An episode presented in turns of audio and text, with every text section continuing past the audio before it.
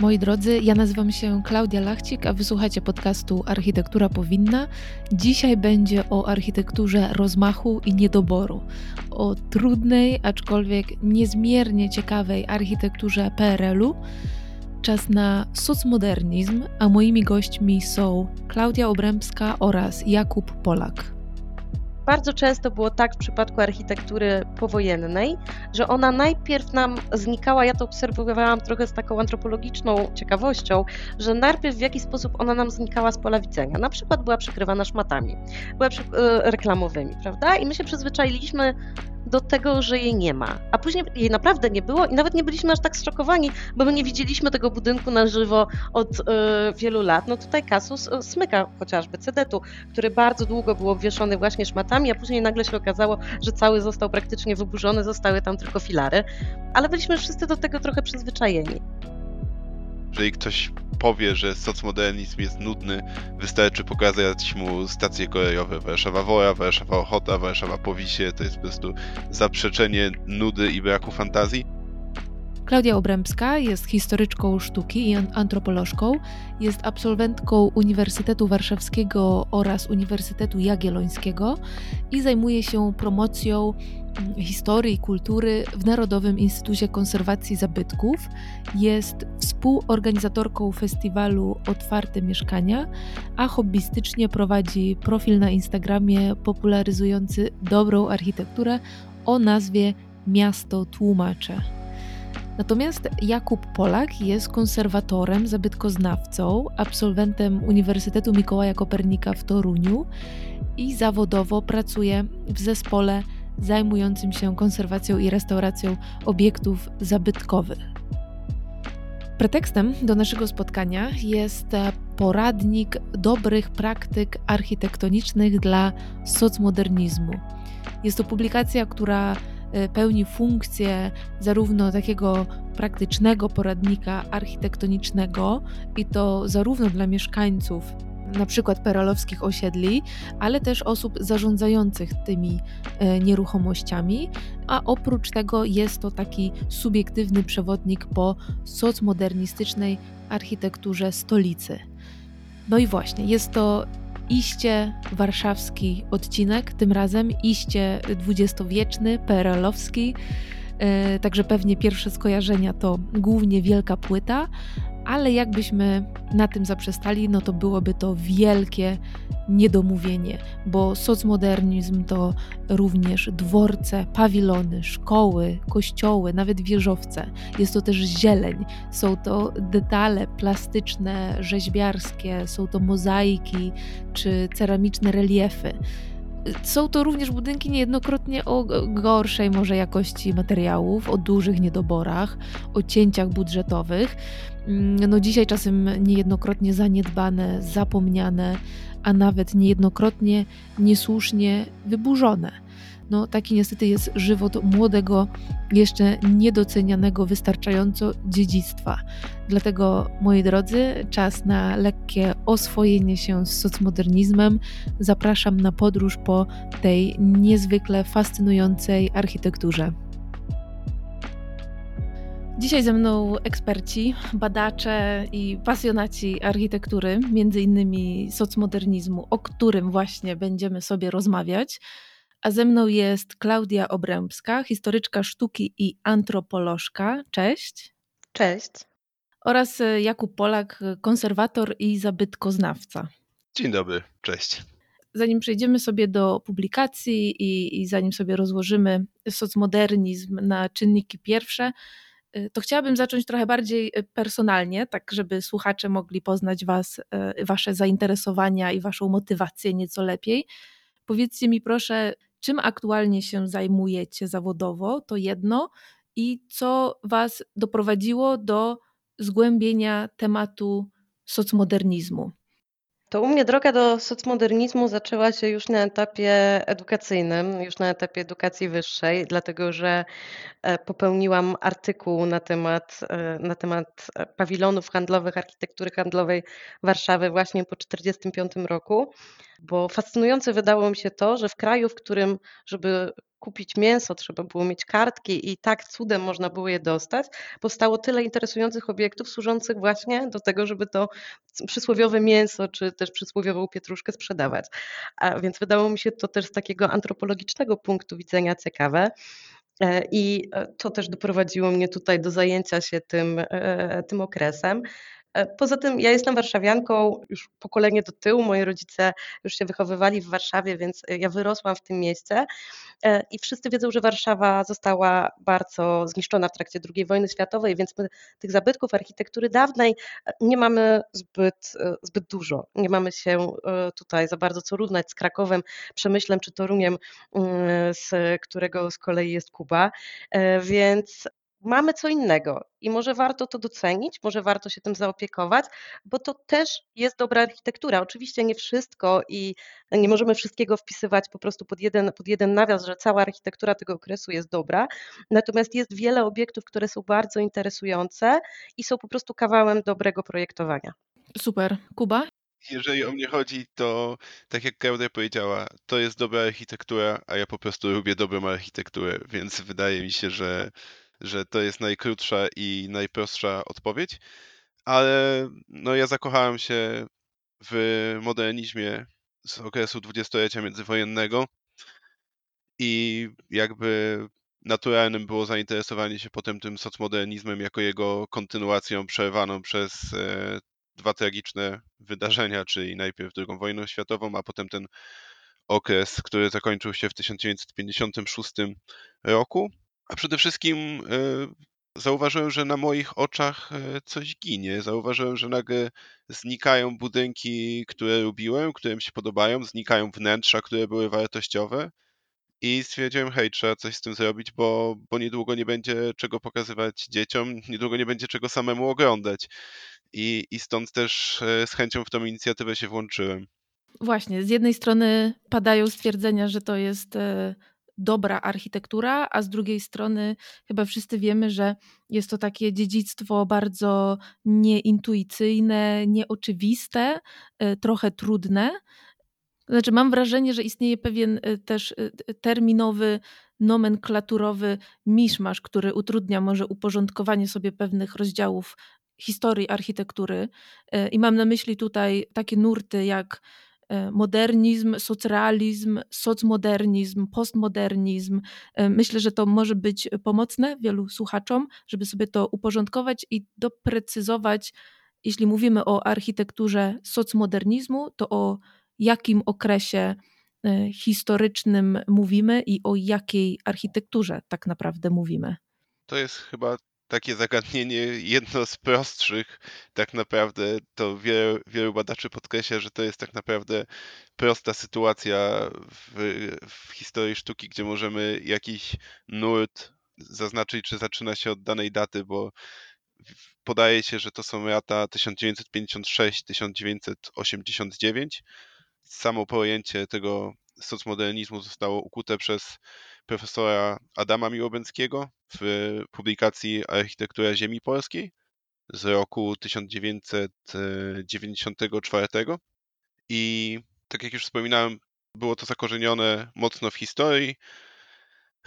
Lubię takie żartobliwe stwierdzenie, nie wiem czy, czy może ono jest w pełni prawdziwe, ale że to, że ojcem naszego socmodernizmu mo można nazwać Nikitę Chruszczowa, bo to tak naprawdę jego, jego wystąpienia potępienie ozdób i dekoracji, które uważał, że wydłużają ten proces budowlany i jakby zapoczątkowały tą rawinę, która wiadomo, że do nas jako do tego państwa ościennego dotarła. No i może tu Klaudii jeszcze przekażę głos, żeby powiedziała coś więcej.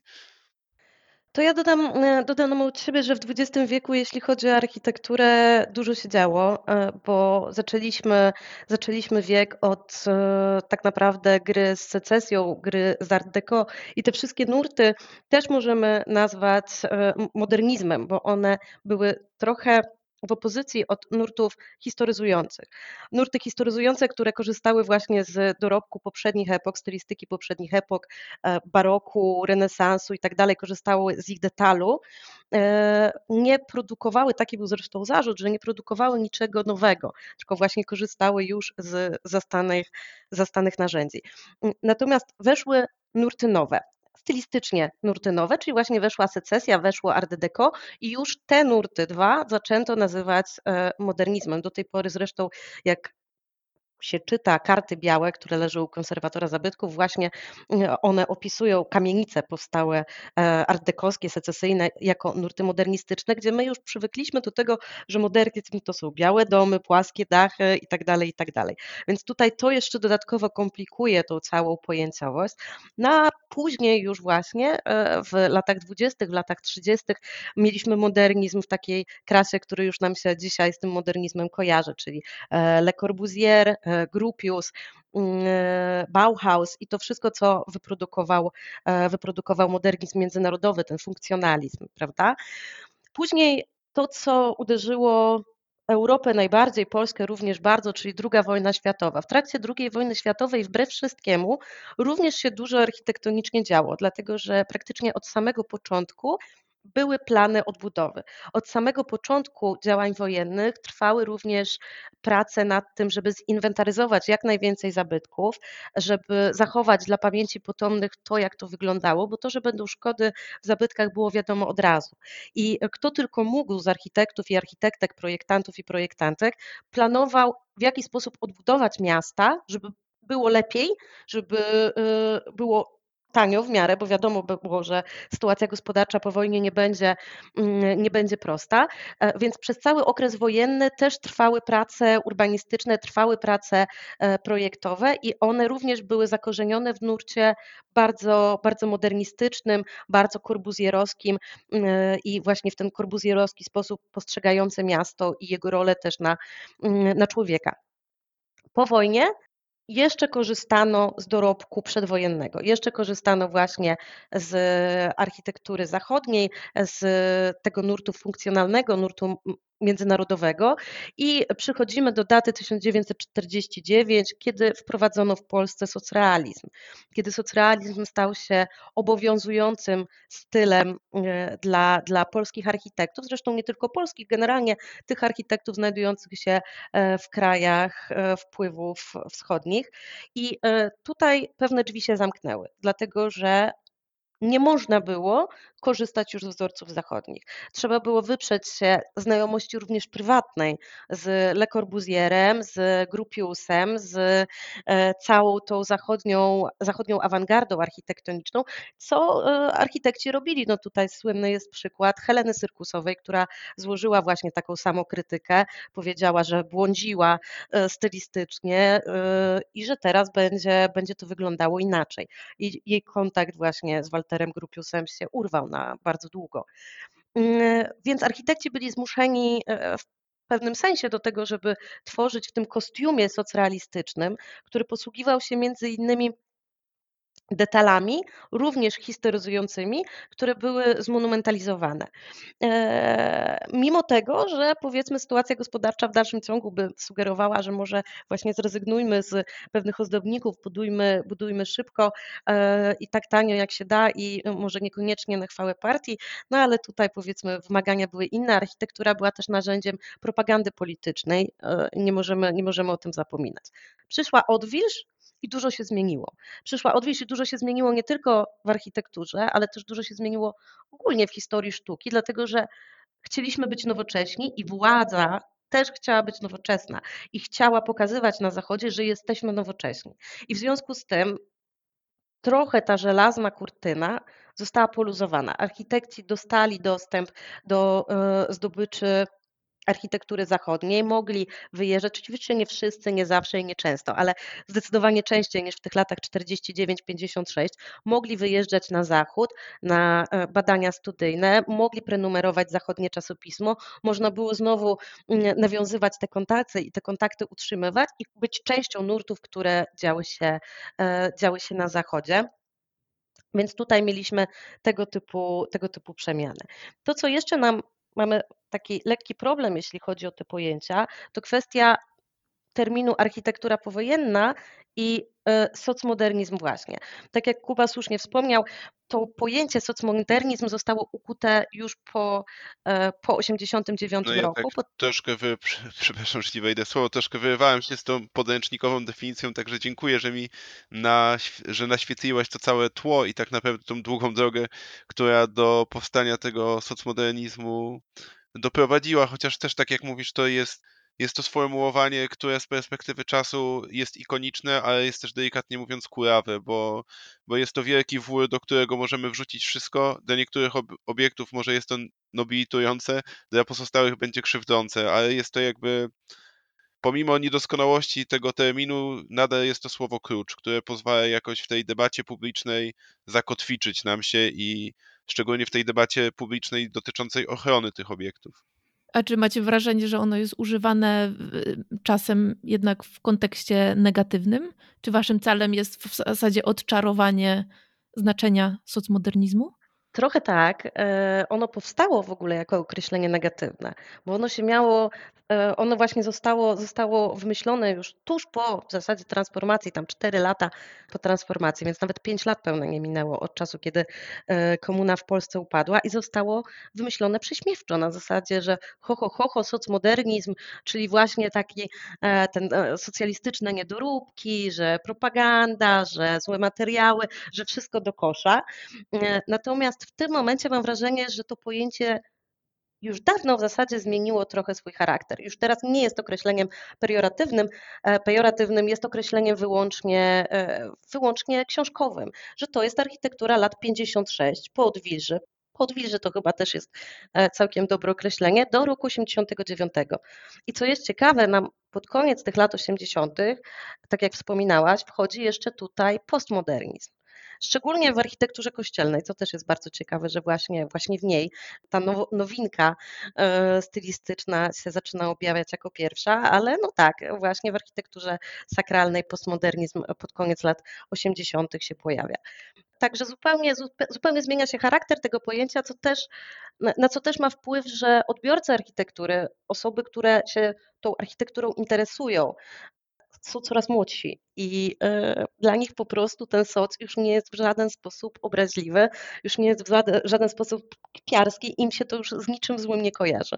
I uważam, że to jest w ogóle kluczowe, że tą architekturę będą już, my powiedzmy zaczynamy, przed nami te, też było to robione, ale będą to ją badać ludzie, którzy nie będą mieli do niej żadnego nastawienia emocjonalnego. Będą mogli to zrobić obiektywnie, i, i, i rzetelnie, bo, bo w naszym wypadku nawet e, działają jakieś sentymenty, wspomnienia z dzieciństwa, a wiadomo, że nie, nie należy nigdy oceniać epoki minionej przez pryzmat epoki obecnej, stąd to, o czym mówisz, wydaje mi się, że jest bardzo ważne. I co do jakości tej architektury, to myślę, że na pewno dzisiaj będziemy dyskutować, bo, bo wydarzyło się wtedy dużo, dużo rzeczy złych, ale wydarzyło się też dużo rzeczy dobrych. Mam wrażenie, że i tak wielka część tej architektury jest świadectwem wielkiego wysiłku architektów, którzy zmagali się. Ja, ja lubię nazywać tą architekturę architekturą rozmachu i niedoboru, bo rozmach był rzeczywiście, no, myślę, że nigdy w historii Polski niespotykany, ale niedobory materiałowe i, i które stanowiły szczególnie wyzwanie dla architektów. Ja tu może posłużę się lokalnym przykładem toruńskiego kampusu, gdzie właśnie projektanci mówili, że oni chcieliby coś wymyślić, ale do dyspozycji mieli mało kamienia, głównie drewno, trochę metalu, ale i tak to co, to, to, co z tego powstało, moim zdaniem było wyjątkowe, ale obecnie w epoce e, osiedli deweloperskich, problemów, które wszyscy znamy, osiedli zamkniętych, osiedli wygrodzonych, no to takie planowanie jak, e, jak za czasów komuny, gdzie pewnie wszyscy Państwo kojarzą tą scenę z filmu Poszukiwany, Poszukiwana, gdzie grupa osób stoi nad makietą miasta i jeden e, z dyrektorów mówi, a to jezioro damy tutaj, a brok niech sobie stoi wśród zieleni. No i może jest to delikatnie przerysowane, ale tak to, tak to w gruncie rzeczy wyglądało nie było wtedy problemu z miejscem, był problem z materiałem. Mam wrażenie, że obecnie jest na odwrót. Miejsce jest deficytowe, a materiał jest dowolny. Możemy sobie postawić złoty apartamentowiec, ale musimy mieć gdzie go postawić. A w tej tkance miejskiej tego miejsca robi się coraz mniej, co stwarza największe zagrożenia właśnie dla architektury socmodernizmu, którą można obrazić, trochę zniesławić, wyburzyć i postawić tam coś nowego. Mhm. To ja się odniosę do e, właśnie kilku wspomnianych przez Was e, rzeczy. Po pierwsze, jeszcze dorzucę określenie, które zostało uknute, rozpowszechnione przez Filipa Springera a propos architektury socmodernistycznej, czyli określenie źle urodzone właśnie sugerujące e, takie niewygodne, trudne pochodzenie tych obiektów. Zacytuję: Urodziły się w złym czasie, trudnym, bolesnym, byle jakim i parszywym. I jakby tego wszystkiego było mało, gdy czasy się zmieniły, kojarzono je już tylko z tamtą perelowską byle jakością. I to jest właśnie ten problem generacyjny i nostalgiczny a propos perelowskich czasów. To znaczy nostalgia w, w pewnych aspektach może tak naprawdę pomóc. To, że mamy jakieś pozytywne skojarzenia, że odwiedzaliśmy pewne obiekty, to akurat może pomóc, ale jeśli pamiętamy PRL raczej e, z nieprzyjemnymi czasami i z byle jakością, to rzeczywiście te personalne wspomnienia nie są tutaj e, najlepszym argumentem. To były czasy PRL-u, które głównie kojarzone też są po prostu z mm, wielką płytą i blokami. I okej, okay, stawiano bardzo dużo blokowisk, szczególnie w latach 70. i 80., ale y, to, co już powoli zaczęliście wspominać, socmodernizm to nie tylko bloki, więc o jakich obiektach tutaj y, mówimy? Co budowano, jakiego typu zlecenia architekci w tym czasie dostawali? To zaczynając od tego, co się działo bezpośrednio po wojnie w Warszawie, to trzeba było odbudować tak naprawdę całą infrastrukturę państwową. Czyli musieliśmy mieć miejsce na to, żeby ulokować gdzieś ministerstwa, żeby ulokować gdzieś rząd, e, gdzie, żeby ulokować gdzieś ludzi, którzy mają zarządzać całym państwem. Więc e, przystąpiono do odbudowy tego typu obiektów, do infrastruktury państwowej. Poza tym odbudowa. I tutaj e, to też jest ciekawe, bo przecież Stare Miasto Warszawskie, Warszawska Starówka jest wpisana na listę Światowego Dziedzictwa UNESCO nie jako Stare Miasto, tylko jako wysiłek odbudowy. I to też jest architektura powojenna, warto o tym pamiętać, że to i to też nie jest odbudowa jeden do jednego. E, tam mamy, e, tam, tam mamy znakomitych artystów, między innymi Zofię Stryjeńską, którzy e, angażowali się w tą odbudowę, dawali swoje umiejętności plastyczne i tam mamy przykłady tej plastyki zarówno na szyldach, jak i na skrafitach, jak i na innym, innych elementach detalu. Później, kiedy ta pierwsza potrzeba powojenna została odrobinę zaspokojona, poszliśmy w architekturę mieszkaniową. Mieliśmy ogromny głód architektury mieszkaniowej, dlatego że po pierwsze po wojnie nastąpił boom demograficzny, co się regularnie powtarza właśnie po konfliktach, e, po konfliktach tego typu, a po drugie masa architektury mieszkaniowej została po prostu zniszczona i trzeba było coś z tym dosyć, e, dosyć gwałtownie zrobić. I tak naprawdę ten głód mieszkaniowy nie został nigdy zaspokojony.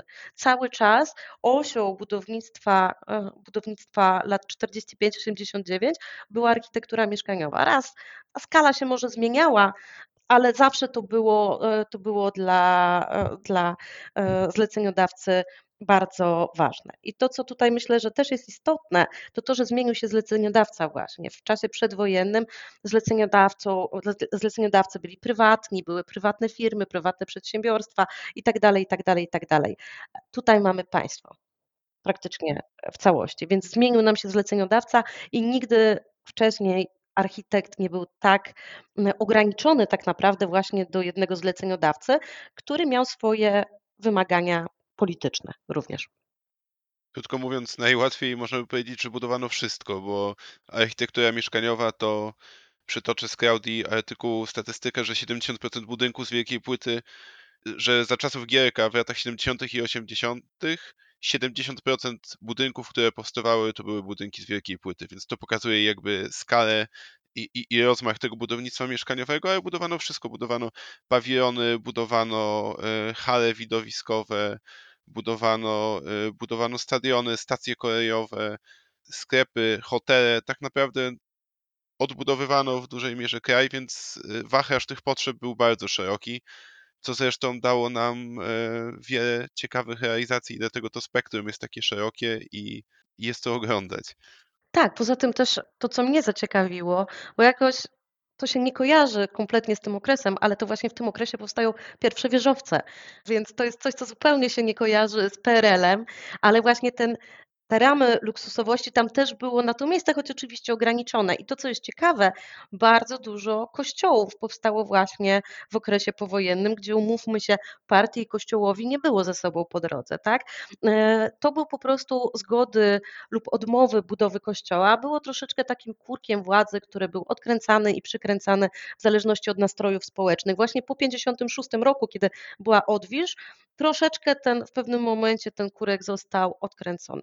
Poza tym architektura, e, architektura sakralna w Perylu to jest naprawdę bardzo ciekawy temat. On został poruszony przez autorki mm, książki Architektura Dnia Siódmego, którą bardzo polecam. Jest bardzo, bardzo interesująca publikacja, dlatego że czasami, żeby coś wybudować, trzeba było uciekać się do forteli. To też jest właśnie w pamięci mieszkańców, że władza się na coś nie zgadzała, więc oni występowali nie o prośbę o budowę kościoła, tylko na przykład rozbudowę. I do małej kapliczki dostawiano ogromną halę, ogromną bryłę, albo właśnie robiono, e, robiono samowolę. I to, co też było tutaj inne od architektury państwowej, bo tutaj mamy właśnie zmianę tego inwestora, to to, że Kościół mógł sobie pozwolić na trochę inne materiały, trochę więcej pieniędzy i nie był, architekt nie był ograniczony do państwowych wymogów estetycznych. Także to jest ciekawe właśnie porównać sobie, jak te obiekty powstające w tym samym czasie, a różniące się tylko inwestorem, jak bardzo się od siebie różnią również stylistycznie. Mhm. A jeśli mowa o różnicach, to z kolei warto też chyba poruszyć ten zauważalny rozstrzał niejednokrotnie między planami i projektami, a później faktycznie realizacją, niejednokrotnie ubogą realizacją. Jak architekci z tym sobie radzili? Tutaj bywało, tutaj bywało tak, że oni sobie czasami zdawali sprawę z tego, że to, co oni planują, to będzie wyglądało inaczej zupełnie w realizacji. I już to od razu zakładali w etapie projektowania. I na przykład małżeństwo piechotków, którzy są odpowiedzialni za warszawskie Bielany, bardzo ciekawie sobie z tym problemem poradzili, no bo zdarzało się, że władza, że inwestor mówił, koniec tej budowy, budynek stoi, cztery ściany, dach, tak, można tam wstawić ludzi, jedziemy dalej, nie ma czasu. I nie tynkowano tych bloków, bardzo często bardzo długo i one e, właśnie stały nieotynkowane. W związku z tym piechotkowie stwierdzili, no dobra, no to wyjdźmy troszeczkę tutaj przed tą sytuację, ona się wydarzy, więc może po prostu zaprojektujmy budynek, którego nie trzeba tynkować już w samym założeniu. I na przykład w ten sposób sobie, w ten sposób sobie radzili. Pamiętam, że w Krakowie była taka sytuacja, że nie było zgody na e, ozdobienie budynku mozaiką, więc użyto sztuczki ceramicznej. Trzeba było się wykazywać bardzo dużą kreatywnością, żeby właśnie przeskoczyć e, kwestie niedoborów i kwestie e, inwestora. Natomiast też Ciężko było, jeśli chodzi o kwestię zagospodarowania terenu, dlatego że architekci planowali wszystko całościowo i na przykład Ursynów był zaprojektowany całościowo również właśnie z drzewami, z całym tym, z całym tym otoczeniem, a e, z tego, co mówił architekt, to udało się tego zrealizować e, mniej niż połowę nawet ich początkowych planów. Więc często po prostu to były bloki w polu, a dookoła, były, dookoła było błoto i trzeba było poczekać, aż drzewa urosną i to wszystko się wyreguluje też rękami mieszkańców.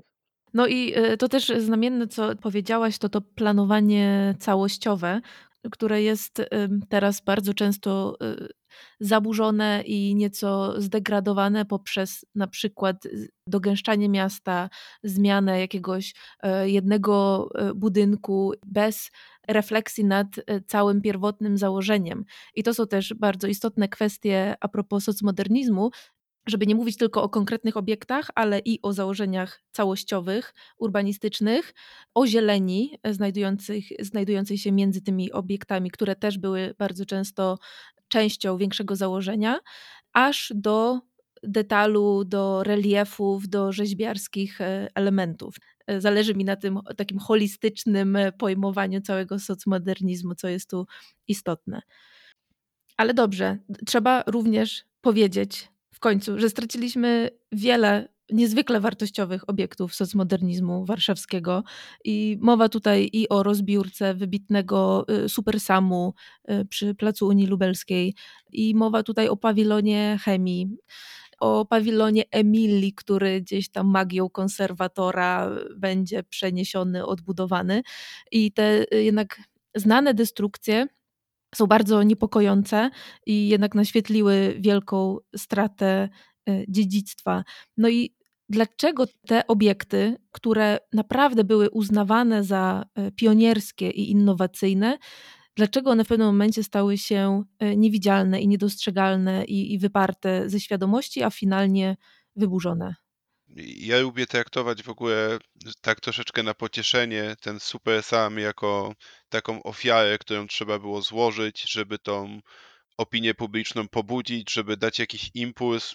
Była to wysoka cena do zapłacenia, ale jakby można, myślę, że historycy sztuki w przyszłości będą pisać o rozbiórce Super Samu jako o takim kamieniu milowym, jeżeli chodzi o ochronę właśnie socmodernizmu, bo Super Sam, dworzec w Katowicach to takie dwa obiekty, których jakby destrukt wzburzył opinię publiczną, rozpoczął dyskusję i, i to, że nawet sama, sama publikacja tego dobrego poradnika dobrych praktyk architektonicznych też można uznać ją za pokłosie właśnie wszczętej wtedy dyskusji. A czemu tak się działo? No na pewno były to problemy związane z transformacją. Był ten odwrót, zachłyśnięcie nowoczesnością, odwrót od tego, co dawne. Co nam to dało? Dało nam to, mam wrażenie, że jeszcze gorsze rzeczy, bo wystarczy spojrzeć na osiedla na przykład z lat e, dwutysięcznych, na te pokraczne broki ze skośnymi dachami, te różne dziwne formy broków, które są historyzujące, nowych materiałów, które są używane, mam wrażenie, często tylko po to, żeby ich po prostu użyć. Dla mnie generalnie ten okres właśnie wczesnych lat dwutysięcznych jest architektonicznie, jeżeli chodzi o architekturę mieszkaniową, e, koszmarem i, i, i nawet ta deweloperka, która teraz powstaje, nie, nie równa się z tym, co, co powstawało wtedy, ale mam wrażenie, że to była chęć zmian, zmęczenie już tą epoką i przede wszystkim ścisła korelacja tej architektury z tamtym ustrojem. Po prostu zmęczenie, zmęczenie tą długoletnią komuną, chęć zmian i, i, i też chęć czegoś nowego, napływ, y, otwarcie na świat, chociaż mam wrażenie, że i tak szybko udało nam się z tym uporać. Że dużo straciliśmy, ale jakby patrząc na przykład na modernizm z okresu dwudziestolecia międzywojennego, to tam dużo więcej czasu musiało upłynąć, żebyśmy się tym zainteresowali. Tu na szczęście ten okres jest krótszy i dobrze. I, i, I należy się z tego cieszyć, ale nie należy zwalniać tempa i trzeba jakby cały czas dokładać maksymalnych e, wysiłków, żeby jak najwięcej z tych obiektów ocalić, zastanawiając się nad kryteriami. Mam nadzieję, że ten temat y, kryteriów i tego, co chronić i jak chronić, jeszcze dzisiaj poruszymy. Mhm, zdecydowanie. Klaudia, a o których obiektach warto mówić? Oczywiście odeślemy naszych słuchaczy tak czy inaczej do, do poradnika, który jest tutaj głównym pretekstem naszej rozmowy, i tam znajduje się wiele E, ciekawych warszawskich obiektów, ale nazywacie to takim e, subiektywnym e, doborem. Więc o których obiektach według Ciebie warto mówić, które warto odkryć już teraz, zanim będzie za późno? To znaczy tak, e, o kilku rodzajach tych obiektów już wspomniałam, o kilku wspomniał już też Kuba, bo mm, Kuba wspomniał o dworcach i ta linia kolejowa warszawska zaprojektowana przez Arseniusza Romanowicza mm, wespół z Piotrem Szymaniakiem w dużej mierze, do w której skład wchodzi Ochota, e, Centralny, Powiśle, Stadion, no, cała linia e, średnicowa. To jest bardzo ciekawy przykład zarówno architektoniczny, e, jak i też inżynieryjny bo ja nigdy jako użytkownik sobie pewnych rzeczy nie zdawałam sobie sprawy, na przykład z tego, że tak naprawdę cały, mm, całe rozejście się po peronach e, jest pod ziemią. Nie trzeba biegać tam gdzieś na górze, żeby szukać tego swojego peronu. To wszystko się dzieje pod ziemią. Jest ten korytarz, z którego się schodzi w dół na, na perony, nie trzeba jakoś przeskakiwać w górę, w dół, to jest wszystko bardzo, bardzo jasne. Wyjść na zewnątrz też nie jest jakoś problematyczne, więc jest to dosyć, e, dosyć intuicyjne, w jaki sposób obsługiwać e, dworzec centralny, który z zewnątrz no, jest dosyć imponujący, taki był zresztą jego, jego cel. On miał być bardzo jasnym i czytelnym symbolem w przestrzeni, też dla podróżnych, którzy miasta nie znają i jest. Mm, e, więc to jest bardzo, bardzo ciekawa architektura. O kościołach już wspomniałam. Mm, wieżowce są dla mnie pewnym odkryciem tego, tego poradnika również w trakcie, kiedy, kiedy robiłam research, kiedy prowadziłam badania do napisania, tej, e, do napisania tej książki, zgłębianie właśnie w jaki sposób wyglądał ten PRL bardziej bogaty, bardziej nowoczesny, to też było, mm, to też było dla mnie bardzo ciekawe. Ciekawe też jest kwestia, e, kwestia sportu. Tutaj mamy Warszawiankę, e, stadion Warszawianka, który ma być poddawany, z tego co wiem, renowacji. Jest takich obiektów też e, kilka w Warszawie. Myślę, że to jest dosyć, dosyć interesujące. Mogę powiedzieć, o co się boję. Boję się w zasadzie o dwa obiekty. Pierwszy obiekt, o który, socmodernistyczny, o który się boję, to jest cepelia.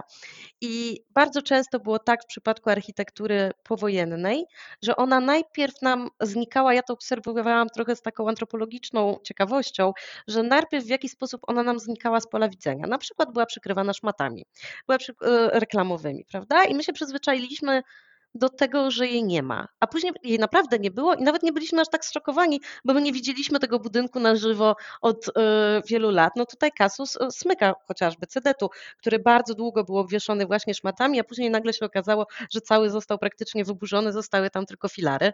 Ale byliśmy wszyscy do tego trochę przyzwyczajeni. Cybelia od lat jest zasłonięta reklamami, stoją na niej jakieś, jakieś reklamowe obiekty i budzący grozę dług publiczny, który rośnie tam w zastraszającym tempie.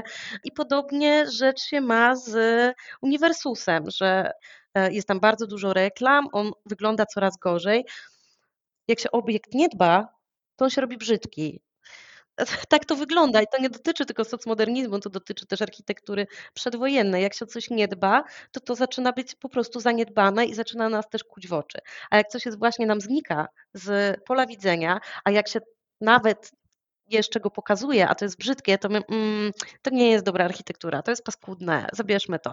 A później, tak jak właśnie w przypadku centralnego, e, mamy po prostu umycie dworca tak, i przeprowadzanie koniecznych konserwacji i wszyscy nagle, o kurczę, jaki to jest fajny obiekt, e, ale super i olśnienie. A on tam stał cały czas, prawda? To w sensie on nie znikł nam mm, w jakiś magiczny sposób. Więc przyglądajmy się też naszemu otoczeniu, bo też ciekawe są obiekty, które może nie, nie są, nie mają dużej wartości architektonicznej, ale powstały w tym okresie i mają ciekawą wartość lokalną i tutaj uniwersam grochowski to jest coś, czego e, ja w pewien sposób nie, nie mogę odżałować. Ja rozumiem, że on się może nie nadawał do ochrony poprzez wpis do rejestru czy ujęcie w gminnej ewidencji zabytków, bo nie, e, nie charakteryzował się tymi walorami, które muszą się charakteryzować obiekty wpisywane do rejestru zabytków. Natomiast był ważny dla lokalnej społeczności. Budował rondo wiatraczna, e, po czym został wyburzony powstał o nim film dokumentalny, został wyburzony, więc upamię...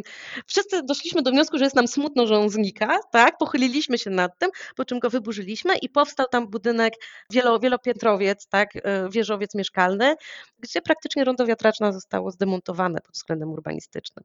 Bardzo, bardzo uniwersamu brakuje. Bardzo brakuje tej niskiej, e, niskiej architektury e, lokalnej. Warto się na nią oglądać, bo my oczywiście ujęliśmy w naszym poradniku obiekty znaczące w ten czy w inny sposób, wyróżniające się, ale jest masa obiektów, jak się idzie, e, jak już wspominałam o Grochowie, to już zostanę przy tym, jak się idzie przez Grochów, e, małych pawilonów, które teraz są kawiarniami, czy kwiaciarniami, czy coś takiego, mają, fajną, mają fajny dach, posługują się tymi narzędziami, które wypracował socmodernizm. Nie straćmy tego, to jest, to jest fajne, to nam buduje poczucie, poczucie lokalności, to nam buduje różnorodność w mieście. E, dbajmy o to, bo jest to co. No mi pozostaje tylko przykrasnąć i, i tak jak Klaudia mówiła, jeżeli ktoś mówi, powie, że socmodernizm jest nudny, wystarczy pokazać mu stacje kolejowe Warszawa Wora, Warszawa Ochota, Warszawa Powisie. To jest po prostu zaprzeczenie nudy i braku fantazji. ale tak pozostaje mi tylko przyklasnąć, bo właśnie najłatwiejszą drogą do pozbycia się zabytku jest zaniedbanie.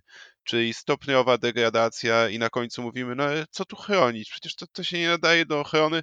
No poza oczywiście e, pożarami, które niektóre budynki mają taką bardzo dziwną przypadłość, że na przykład czterokrotnie się same zapalają i na końcu już nie ma czego chronić. Na szczęście te w centrum miasta rzadziej, ale zgadza się, zasłonięcie, zapomnienie, zaniedbanie to takie 3Z, żeby się pozbyć zabytków.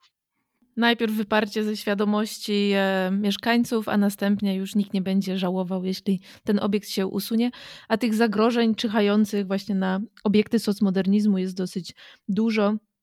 Z jednej strony kompletne zaniedbanie, o którym wspomnieliście, z drugiej strony rynek i niejednokrotnie wielkie wartości działek, na których e, one stoją, szczególnie te w centrum miasta. Kolejne czyhające zagrożenie to jest e, dziwna, nie do końca zrozumiała modernizacja, jak szybka, tania, e, taka nie do końca przemyślana.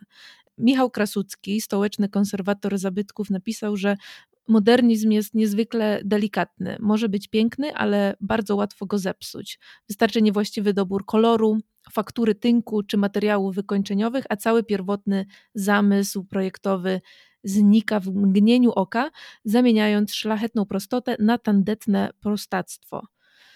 No dobrze, no to powiedzmy sobie, jak wyglądają te poprawne i niepoprawne praktyki konserwatorskie, modernizacyjne obiektów socmodernistycznych?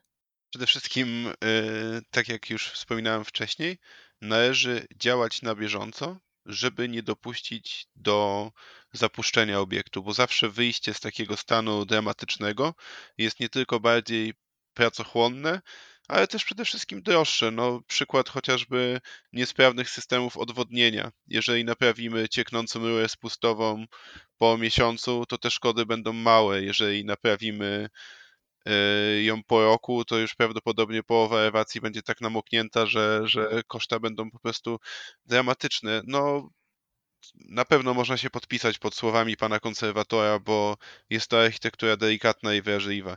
Jeżeli mamy obiekt historyczny, gdzie jest mnóstwo detalu, to ten detal coś tam może zakryć, chociaż z drugiej strony wystarczy spojrzeć na kamienicę, gdzie wymieniono okna na plastikowe, nawet z tymi samymi podziałami, ale nawet jeżeli zastosujemy ten sam podział, zmienia się proporcja ram, ramiaków, to już nie są te same okna, ale to tylko taka dygresja na boku. Jak można ten soc socmodernizm popsuć? Na pewno można go popsuć łatwo i szybko, właśnie przez wymianę okien, gdzie bardzo trudno jest już odtworzyć te proporcje i podziały. W sytuacji, kiedy mamy okna wstęgowe i, i słupki międzyokienne, czy ramy okienne zwiększą swoją objętość, swoją szerokość, powiedzmy, nie wiem, o 10%, to w skali jednego okna to nic nie da, ale z założeniu, gdzie te okna stanowią ważny horyzontalny element elewacji, to już będzie miało dość, dość znaczny wpływ. No, termomodernizację to jest temat rzeka, bo wiadomo, że szczególnie przy obecnych cenach, które płacimy za ogrzewanie, to nie da się tego uniknąć, ale późniejsze malowanie elewacji, ta moda na, no pasteroza to też jest temat już bardzo oklepany, ale chociażby moda na wrzucanie geometrycznych wzorów na elewację bloków, które nie współgrają ani z założeniami architektonicznymi, ani z naturalnym rytmem tego budynku wyznaczonego przez kratki schodowe, przez balkony, przez okna, no, pojawiła się moda na malowanie trójkątów, kwadratów i, i szraczków. Po co? Tego nie wiem. Y, Staram się sobie tłumaczyć tym, że to była taka chęć odczarowania tych bloków, że były szare, smutne, to teraz będą kolorowe i wzorzyste. Y, pozostaje nam tylko edukować i pokazywać, że taki blok może być w odcieniach szarości, może być biały, wciąż będzie ładny, będzie majestatyczny, będzie współgrał z otoczeniem. Więc jeżeli chodzi, chodzi o złe praktyki, to Chyba najgorsze jest to zaniedbanie i może nadmiar pieniędzy, bo to są dwie rzeczy. Zabytkowi zawsze szkodzi niedobór pieniędzy albo nadmiar pieniędzy. Kiedy stwierdzimy, że wszystko wymieniamy, wszystko zmieniamy, no rozsądek. To e, ja jeszcze chciałabym rozszerzyć to, co Kuba powiedział, bo Kuba powiedział jedną bardzo ważną rzecz, że trzeba edukować i to wychodzi w wielu momentach. E, niedawno Narodowy Instytut Konserwacji Zabytków e, zrobił badania mm, przy pomocy e, Ipsos i wyszło, że większość Polaków nie uważa za zabytek obiektu powstałego po 1945 roku. Kompletnie nie. Zamek, tak, to zabytek, zamek, tak, kościół gotycki, zabytek, tak, ale pałac kultury nie, absolutnie, żaden zabytek. Czyli w naszej świadomości jest to, że właśnie przed wojną ok, po wojnie absolutnie i może właśnie powinniśmy wyjść trochę bardziej do ludzi, którzy nie są w branży i im pokazać, że mieszkają w całkiem interesujących miejscach i co w nich jest ładne, bo ludzie nie wiedzą na co patrzeć. I ja mam taki przykład mojego taty, e, który kompletnie nie jest związany z branżą e, i który do powiedzmy czasów, kiedy studiowałam, chodził, powtarzał, mmm, Warszawa jest brzydka, mmm, Warszawa jest brzydka, po czym ja go zabrałam na jeden spacer, drugi spacer, trzeci spacer i jeszcze później zadawałam pytania, żeby sprawdzić, czy słuchał, e, więc byłam okropnym po prostu przewodnikiem. I nagle mój tata zmienił perspektywę i mówi, kurczę, tutaj widzę, że to było jakieś założenie, zaczyna widzieć inne rzeczy i też doceniać właśnie inne rzeczy w tej przestrzeni. Ja to widzę też na swoim osiedlu, że inaczej trochę się do tego podchodzi, że jest coraz więcej społeczników, coraz więcej miłośników tej architektury, którzy wychodzą z jakimiś działaniami edukacyjnymi, natomiast tego ciągle jest za mało. Edukacja, e, edukacja artystyczna, bo to nie chodzi tylko o edukację architektoniczną czy zabytkową, tylko edukacja artystyczna w naszym kraju jest bardzo zaniedbanym obszarem, a potrzebujemy tego więcej, żeby po prostu żyć lepiej, żeby nam się lepiej żyło w naszym otoczeniu. Super. Dla mnie to poruszyłaś e, temat, który w ogóle chciałem dzisiaj poruszyć, bo jest kluczowy. Przede wszystkim, co wpisywać i jakimi kryteriami się kierować, bo tak, wiemy, że nie może być to wiek.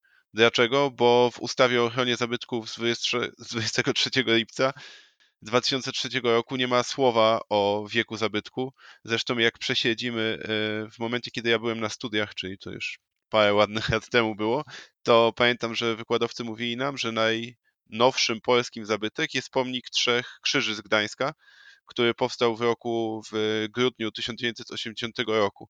I to wtedy było takie wow, że tam 30-paroletni obiekt jest wpisany na listę zabytków.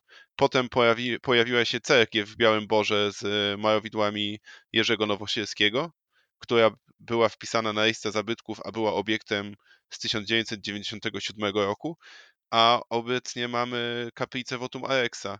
Też niedawno była to dość głośna sprawa. Właśnie pan profesor Jakub Lewicki ją komentował, zresztą bardzo pochlebnie, wypowiadając się, się o tym wpisie. I to jest. E, wpis województwa właśnie ma mazowieckiego, obiektu z 2011 roku. Więc jakby ta cezura czasowa upada.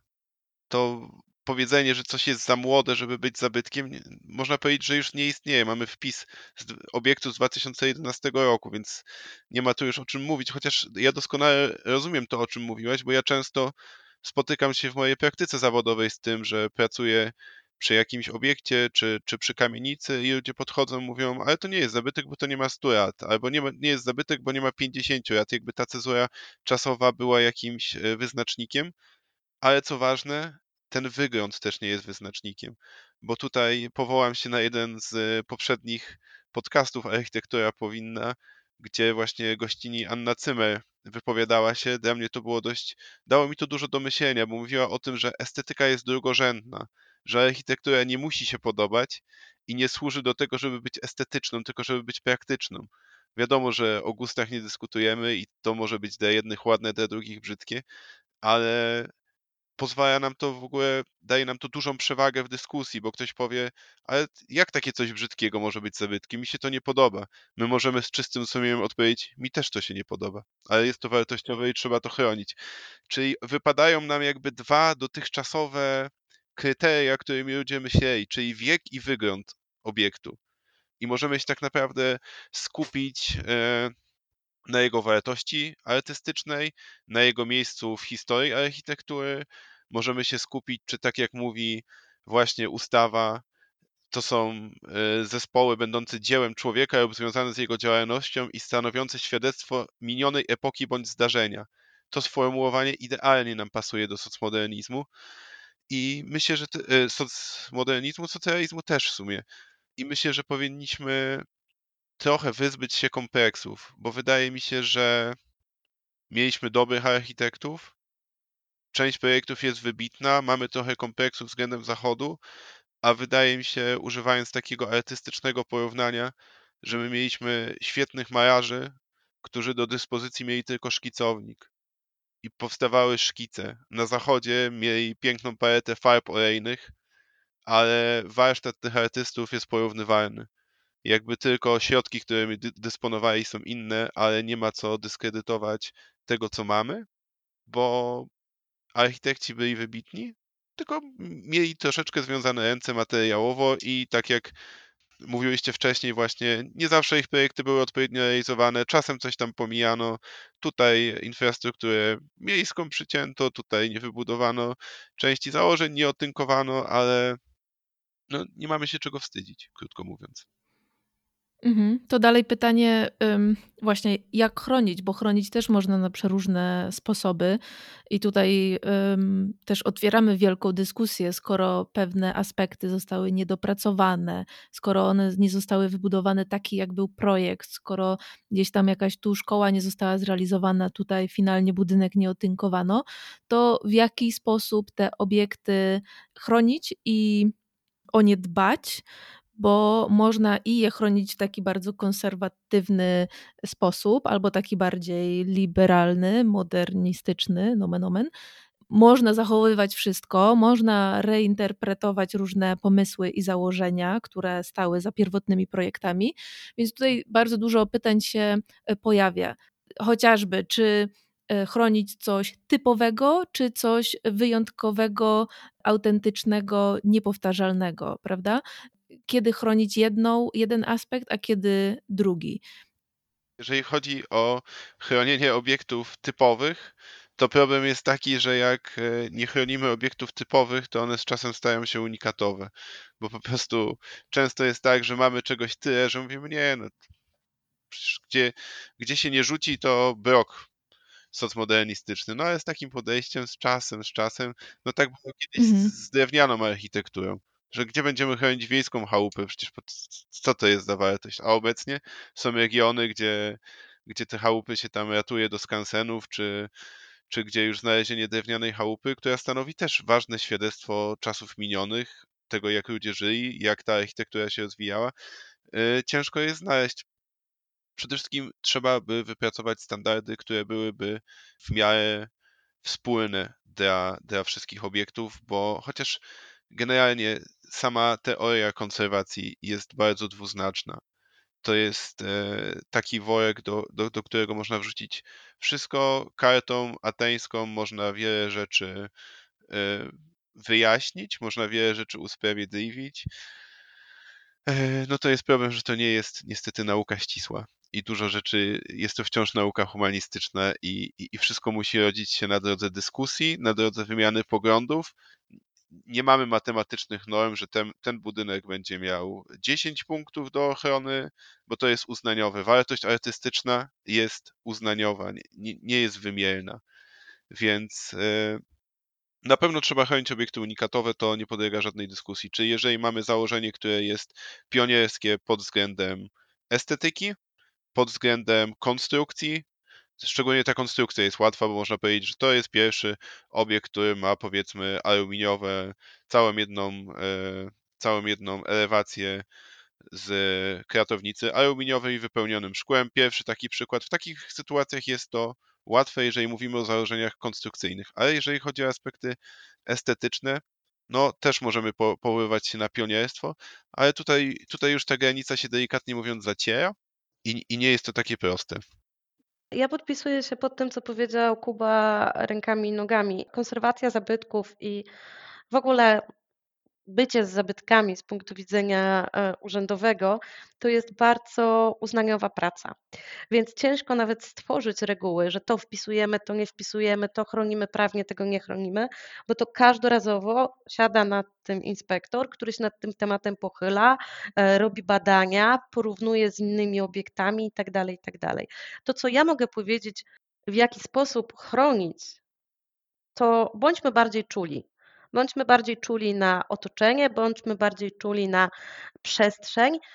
I to, co powiedział Kuba, to jest zmora każdego konserwatora, wymiana okien. Koszmar. W sensie, naprawdę, ale ja to na przykład widzę u siebie, bo to, to do tego, że szanujemy drewnianą stolarkę w kamienicach sprzed wojny, trochę już społeczeństwo zostało przyzwyczajone. Ale na przykład ja mieszkam w bloku z lat 60 e, tego okresu socmodernizmu i e, u mnie okna zostały wymienione na plastiki i mi na ramę wchodzi grzyb. I to jest zupełnie normalne, nie ma wentylacji. Więc może zanim wywalimy wszystko w pień, i to się tyczy zarówno zieleni, która znajduje się na tych osiedlach, i tej właśnie tej przestrzeni, która się znajduje.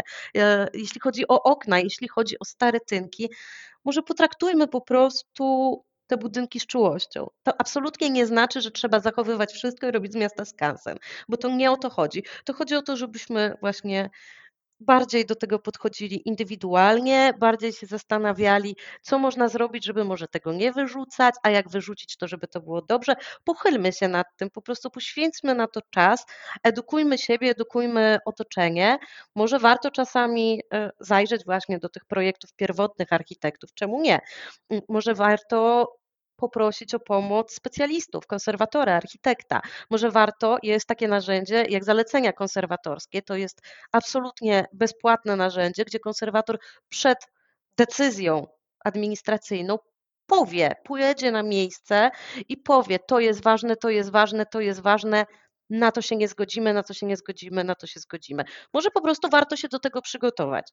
Ja teraz na szczęście widzę, że coraz częściej podchodzimy właśnie z tą czułością, szczególnie e, w takich miastach jak Warszawa, e, gdzie wszyscy jesteśmy trochę przyjezdni i e, czujemy się związani z miastem, bo niewiele już wspólnego też mamy ze sobą nawzajem.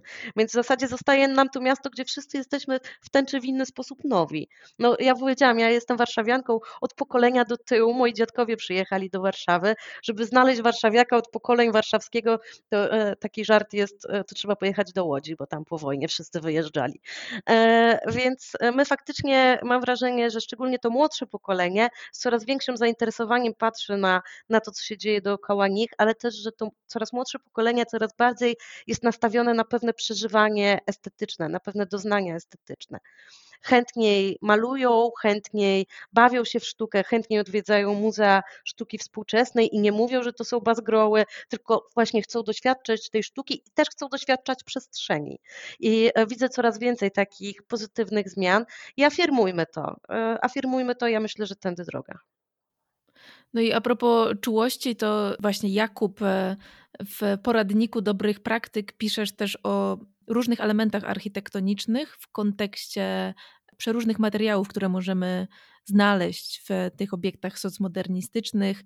Piszesz o lastryko, o różnych elementach metalowych, drewnianych i nawet plastikowych, więc e, tu mi się ta czułość, czułość od razu skojarzyła jak piszesz o poręczach plastikowych, które są, tak. mogą być intuicyjnie od razu do wyrzucenia i do zignorowania, a jednak mówisz, nie, jeśli to oryginalnie był element, bardzo praktyczny zresztą element, e, te takie plastikowe nakładki na metalowe czy, czy innego rodzaju balustrady, poręcze w klatkach schodowych, to również je należy jednak o nie zadbać i należy je zachować. Tak, to jest to, o czym mówiła Klaudia. Nie róbmy sobie sami problemów. Wymiana okien, okej, okay, często okna są nieszczelne, ale czasami wystarczy trochę popracować uszczelkami, ewentualnie włożyć sobie między okna koc na zimę. Wiadomo, że nie jest to idealne rozwiązanie, ale z drugiej strony te plastiki też nie są wcale dla naszego zdrowia ani dobre, bo jednak ta delikatna nieszczelność powoduje wymianę powietrza, nie ma problemu z zagrzebieniem, tak jak właśnie pięknie wspomniałaś. No i to samo dotyczy się jastyka, które nie jest materiałem wcale złym. Prosty jest, jest generalnie materiałem wytrzymałym, jest materiałem trwałym, łatwym w pielęgnacji, wystarczy trochę łatwym do odnowienia, wystarczy trochę polerowania, to, trochę czułości, jak mówiliśmy. E, to samo tyczy się drewnianych parkietów dużo właśnie bloków miało drewniane parkiety, czy to te sklepek e, podłużnych, czy w układzie wiodełkę, które naprawdę ciężko znaleźć coś lepszego niż e, drewniana podłoga, nie tylko pod względem estetycznym, ale też praktycznym, ale jeżeli mówimy o tej czułości, to właśnie nie trzeba wszystkiego dewastować. Możemy sobie na parkiet położyć panele, zmieni się właściciel, sprzedamy mieszkanie, możemy go przywrócić. Także y, no problemem jest to, że czasami chcemy za bardzo, chociaż też e, nie możemy tutaj zaklinać rzeczywistości, bo pisząc, e, pisząc ten mój rozdział, oglądałem sobie praktyki e, i miejsca, gdzie na przykład całe kratki poddano takiemu gruntownemu remontowi i właśnie śmiałem się z moimi znajomymi, że jak przekonać kogoś, że kratka z taką lichą poręczą z kątowników i z tymi schodami jest lepsza od takiej, gdzie było, zestawiłem dwa zdjęcia i było właśnie brudne raz tylko coś tam, a obok była nówka kratka, piękna poręcz, pomarowane ściany, ale chyba najważniejsze jest to, żeby uświadomić sobie, że istnieje coś pomiędzy że to nie jest tylko takie albo takie, ale że taką, że taka w cudzysłowie komunistyczna kratka schodowa też może być małym kosztem odremontowana i ładna. Tak, i y, ja jeszcze ze swojej strony dodam, że wiwat hipsterzy, którzy robili sobie zdjęcia właśnie na tych komunistycznych klatkach schodowych z roślinkami e, pani Hani z trzeciego piętra, bo oni wbrew wszystkiemu e, tę estetykę trochę przenieśli do mainstreamu i e, trochę nas z nią oswoili, ona stała się modna. I już może niekoniecznie jest właśnie modne mieszkanie na strzeżonym osiedlu, gdzie każdy szept się niesie i jest potęgowany, tylko właśnie na tym, e, na tym może osiedlu, gdzie jest dużo zieleni i gdzie jest pani Hania z drugiego piętra i gdzie pachnie zupą pomidorową w niedzielę. Tak? E, to wszystko się zmienia. Róbmy przestrzeń modną. Róbmy modne otoczenie, róbmy modne to, żebyśmy troszeczkę więcej czasu spędzili nad tym, żeby czerpać estetycznie też przyjemność z bycia w przestrzeni. Dokładnie.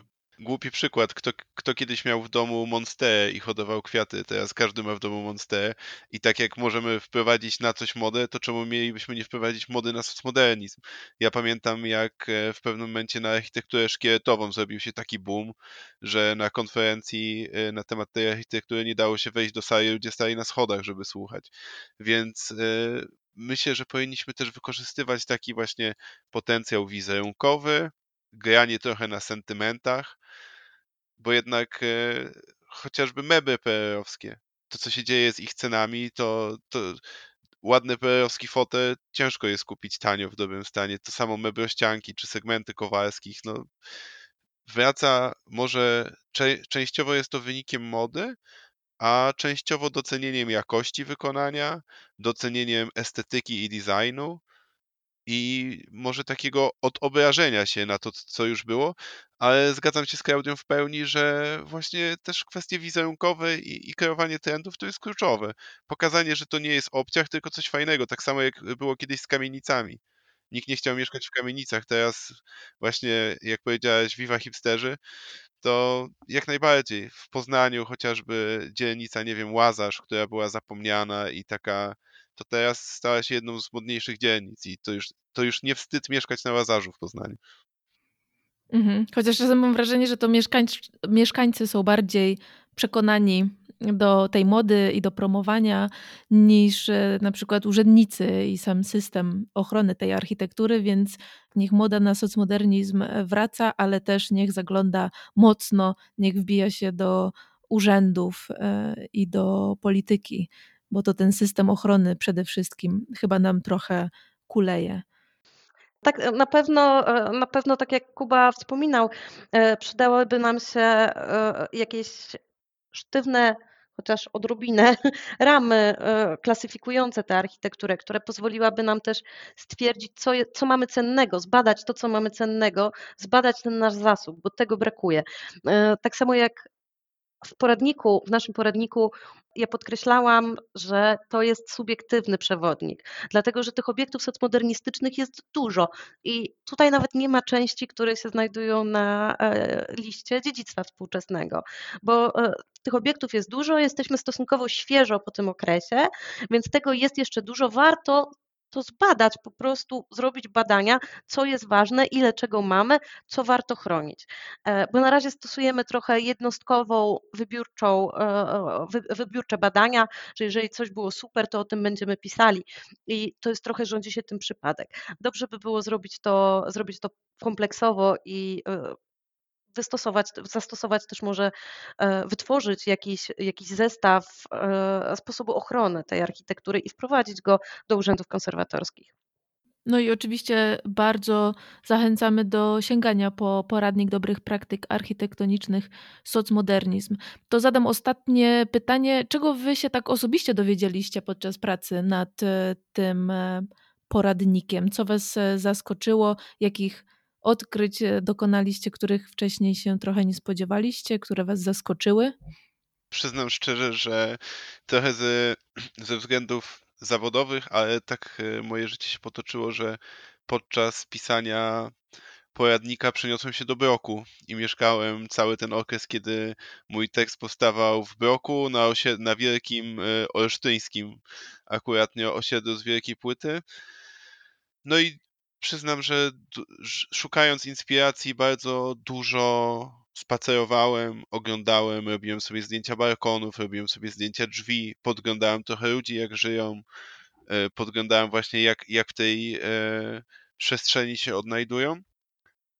Na pewno towarzyszyła mi e, może jedna refleksja gorzka, jedna bardziej słodka. Ta gorzka to, że jednak nie jest to architektura pozbawiona wad. Pamiętam, jak jednego wieczoru oglądałem mecz i skończył mi się internet, ale nie stanowiło to przeszkody, bo słyszałem komentarz od sąsiada z góry taki, że wiedziałem doskonale, co się dzieje.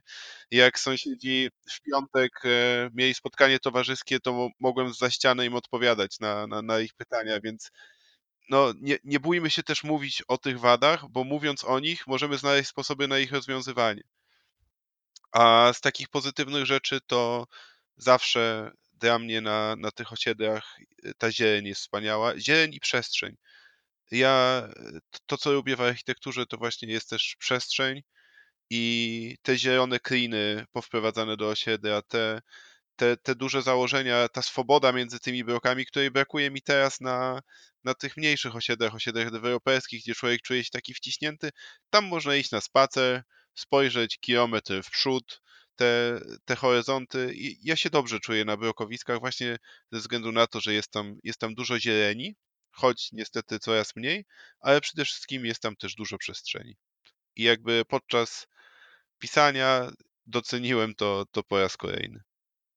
Tak, no z rzeczy, których, których ja się dowiedziałam, to bardzo mnie zaskoczyła ta kwestia kościołów. To nie był mój temat, w sensie to architektura sakralna e, jeszcze w dodatku, e, jeszcze w dodatku po 45 roku nigdy nie była czymś, nad czym ja się pochylałam.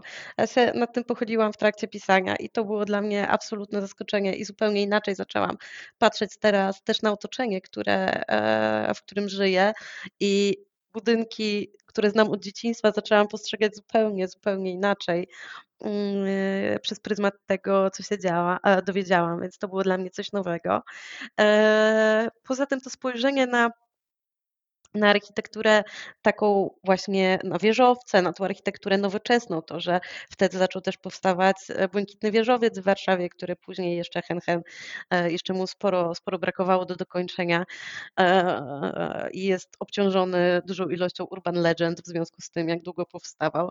Mm, budowie Intraco, mm, czyli, czyli dzisiejszy też Mario, tak? To wszystko powstawało w, e, w tym okresie i to było, to było bardzo ciekawe. Przyznam szczerze, że e, w, tuż przed premierą Mieliśmy część e, taką promocyjną, mieliśmy wydarzenia promocyjne i Grzegorz Mika, jeden zresztą autor, z autorów eseju, który, który jest w poradniku, prowadził właśnie spacer po tej architekturze bogatszej powiedzmy okresu powojennego.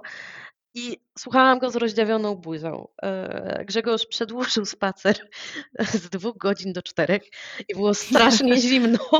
W sensie było naprawdę bardzo zimno, to było tuż przed świętami, ale słuchałam go z rozdziawioną buzią, dowiedziałam się e, super interesujących rzeczy i to naprawdę było bardzo, bardzo fajne spotkanie. Także myślę, że to też mnie bardzo rozwinęło i moją wiedzę na temat, na temat i miasta, i architektury i było to bardzo ciekawe doświadczenie z wielu, wielu różnych perspektyw. Też cieszę się, że miałam okazję jako naczelna współpracować z fantastycznymi specjalistami, między innymi z Kubą. My się znamy z Kubą ze szkoły letniej dla konserwatorów zabytków, ale nie pracowaliśmy nigdy ze sobą ściśle i przyznam szczerze, że moment, w którym dostałam rozdział od Kuby i jak go przeczytałam, to też mi kopara opadła. Mówię, o Boże, ale fantastyczny Dobrze, tekst, że jesteśmy naprawdę. online i tylko głosowo, bo nie będzie widać, że się czerwienie. E, tak, także to była ogromna, faktycznie ogromna przyjemność też patrzeć, jak ludzie, którzy mają zajawkę, mają jakieś poczucie zainteresowania tą przestrzenią, angażują się wspólnie, mimo różnic, które nas, które nas dzielą wśród autorów to było kilkanaście osób, także to, absolutnie nie jesteśmy wszyscy mm, e, jednością, również jeśli chodzi o poglądy na architekturę czy na konserwację, ale fajnie było patrzeć właśnie, jak wspólnie pracujemy nad tym projektem. Ja jestem trochę jego twarzą, dlatego że trzymałam to wszystko za, e, właśnie za twarz, e, omen nomen, ale prawda jest taka, że każdy tutaj z autorów włożył kawał serca, kawał pracy i wspaniale było być tego częścią. Tak, ja może dorzucę jeszcze na koniec, że w momencie, kiedy Klaudia mi zaproponowała współpracę, ja byłem tak zawalony pracą, że od razu powiedziałem, że nie, że nie mam kiedy i ale tak zacząłem myśleć i mówię, co, odpuszczę taki temat, przecież to w ogóle kapitalny pomysł, kapitalna sprawa, że coś takiego powstaje. E, zobaczyłem dobór ludzi, którzy piszą, spojrzałem na dobór tematów, mówię, nie, no najwyżej coś może będzie zawodowo zrobione gorzej, ale ja muszę wziąć w tym udział, bo to jest po prostu kapitalny pomysł. Ja chcę robić takie rzeczy, które właśnie uczulają na architekturę, które może pomogą, jeżeli ten poradnik pozwoli zachować jeden obiekt, to już będzie sukces jeżeli, a mam taką szczerą nadzieję, że nie jeden, a, a dziesiątki, może setki obiektów pozwoli zachować, a przede wszystkim, że dotrze do jak najszerszego grona osób, które pomyślą, tak właśnie jak e, Klaudia to fajnie powiedziała, powiedzą, hej, może ten budynek jest ciekawy, może ja go mijałem tysiąc razy, a nie spojrzałem na to, e, że, że ta jego forma, forma jest bardzo ambitna, ba, ba, bardzo ciekawa dla oka, albo nie pomyślałem nigdy o tym, że ktoś wpadł na pomysł, że skoro nie ma kamienia, to potłucze talerze i użyje ich jako do mozaiki i że jest to wyraz pomysłowości i świadectwo czasu, a, a, a nie kicz i tandeta.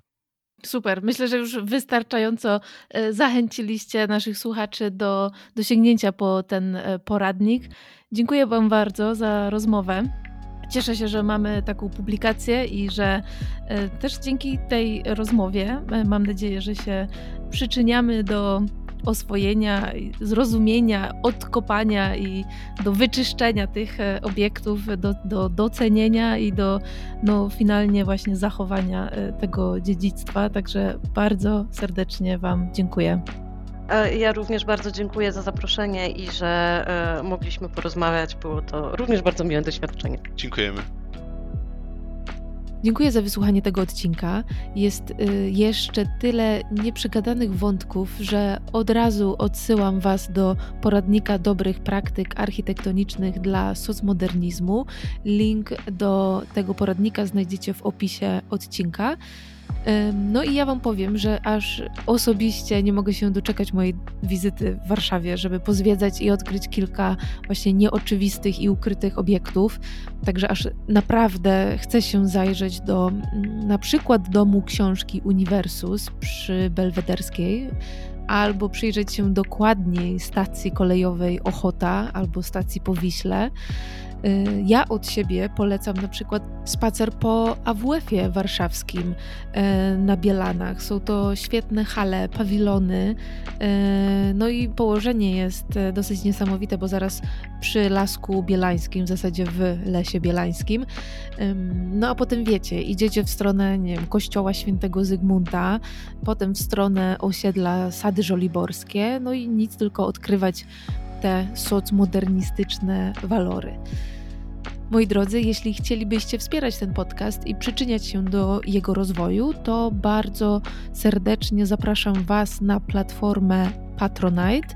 Tam takie wsparcie jest możliwe, a póki co y, bardzo serdecznie dziękuję moim dotychczasowym patronom, patronkom, czyli Ani, Agnieszce, Emilii, Aleksandrze, Mateuszowi, Przemysławowi oraz Judycie. Jest mi niezmiernie miło i bardzo dziękuję za Wasze wsparcie. No i co, moi drodzy, to wszystko na dziś. E, bardzo dziękuję za wysłuchanie i do usłyszenia w kolejnym odcinku.